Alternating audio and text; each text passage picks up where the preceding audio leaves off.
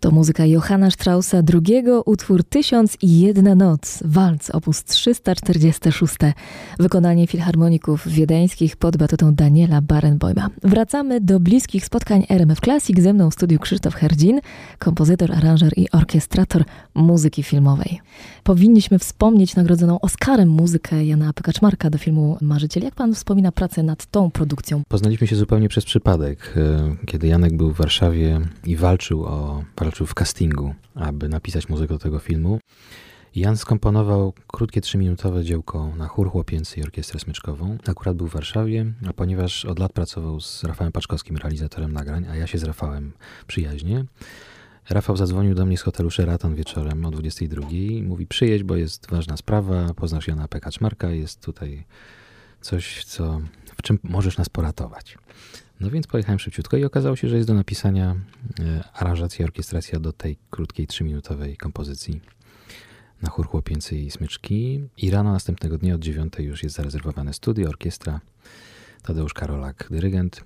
Określiliśmy sobie mm, kierunek stylistyczny, w, jak, w jaką stronę to ma pójść. Rafał do mnie zadzwonił, powiedział, że pisze bardzo szybko, jestem sprawny. No i wtedy poznałem Janka, zaufaliśmy sobie, zaprzyjaźniliśmy się, no i napisałem przez noc, nie spałem wtedy ani minuty, napisałem tą partyturę, wydrukowałem partyturę, wydrukowałem głosy orkiestry, pojawiłem się niewyspany z worami pod oczami o dziewiątej. Nagraliśmy te, to dzieło i pod wieczór taśma z nagraniem już poleciała samolotem do Stanów Zjednoczonych.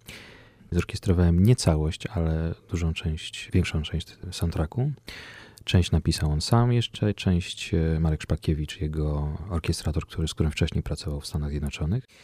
No i to była taka praca mm, korespondencyjna, gdzie mm, ja siedząc w domu w Warszawie otrzymywałem w nocy telefon od Janka, opowiadał, za chwilkę wyślę ci mailem tutaj parę szkiców, to jest taka i taka scena, tutaj mm, to ma być wesołe, to ma być smutne, to ma być jakieś niepokojące, bo jeszcze nie było montowanych fragmentów e, filmowych. No i dostawałem te fragmenty, czasem były to fragmenty MIDI, a więc takie bardzo wstępne szkice, mm, grane tylko na fortepianie.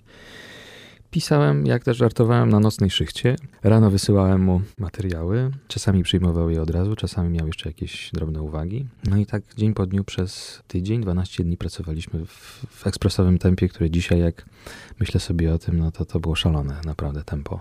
No ale nie zdawałem sobie sprawy, że, że ten film e, stanie w szranki z innymi w walce o Oscara.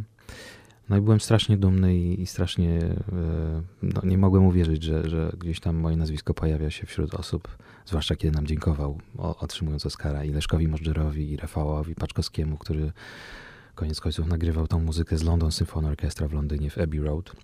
No i mnie, więc, więc cała ta, ta historia to jedna wielka, niesamowita przygoda.